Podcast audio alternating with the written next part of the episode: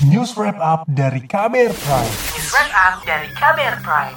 Tri Mumpuni kembali mendapat pengakuan dunia atas pengabdiannya di bidang pemberdayaan dan energi terbarukan.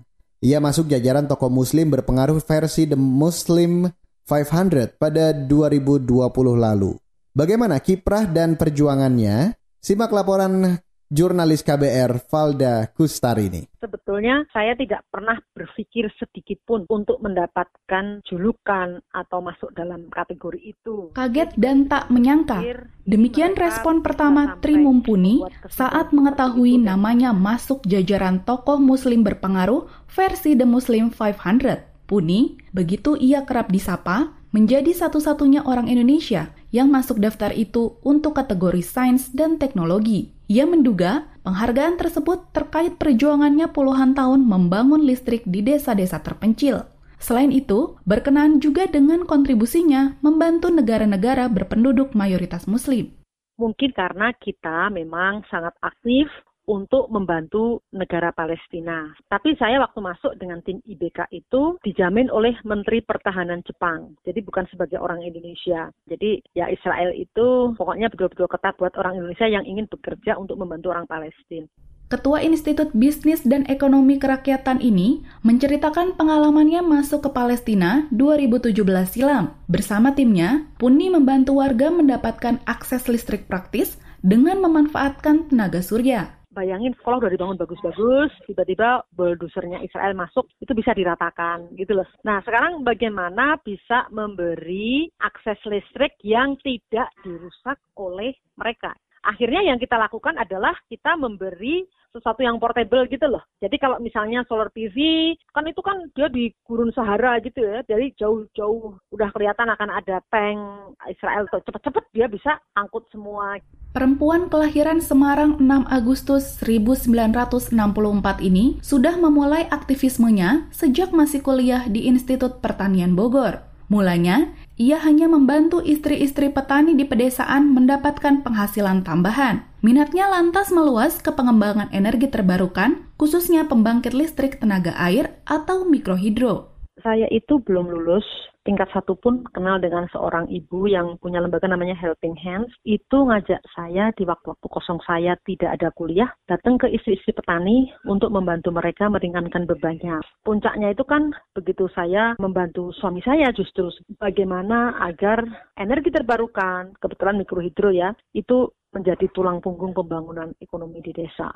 Selama hampir seperempat abad, Puni keluar masuk pedalaman, menyusuri desa-desa terpencil yang belum tersentuh aliran listrik, mulai dari desa Kemanggih di Nusa Tenggara Timur, desa di Seram Barat Maluku, hingga ke daerah pelosok di Aceh.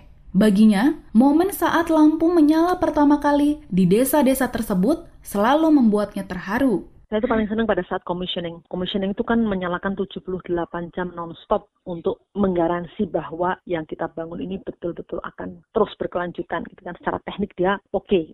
Nah, pada saat gelap gulita kemudian listrik dinyalakan, itu peki orang-orang dalam kerumunan itu. Allah Akbar. Terus, wah mereka teriak, ada yang nangis segala macam. Itu pemandangan yang tidak bisa dirupiahkan berapapun nilainya. Di situ loh, the ultimate happiness Kini, hasil kerja Puni dan tim IBK bisa dinikmati di 80-an desa di Indonesia. Prestasi itu juga mengantarkannya bertemu dengan tokoh-tokoh dunia seperti Barack Obama, Hillary Clinton, dan Pangeran Charles. Puni pun ingin menyerahkan tongkat estafet perjuangannya ke generasi muda. Ia sibuk membentuk insinyur-insinyur desa yang cekatan memanfaatkan teknologi sudah ada 82 lokasi ya. Namun ambisi yang terbesar saya adalah bagaimana mencetak local-local champion. Saya inginnya insinyur-insinyur lokal itulah yang diberdayakan, diberi bekal sehingga mereka mampu untuk membangun kampungnya sendiri. Hal itulah yang dikerjakan Puni selama pandemi dengan membantu Gubernur Jawa Barat Ridwan Kamil menggarap program Patriot Desa. Jadi saya sebenarnya nggak sepian amat sih, karena kan kita membantu Kang Ridwan Kamil ya, Gubernur Jawa Barat untuk melatih 440 anak itu, ini kebun saya itu sekaligus saya punya tempat untuk melatih. Setiap angkatan hanya 110 yang dilatih, empat, punya empat kompetensi, kompetensi tadi keikhlasan, kejuangan, kerakyatan, dan keteknikan, kemudian dia ditaruh di desa-desa terpencil selama setahun, dua tahun, tiga tahun, tergantung, sampai desa itu maju dan sejahtera.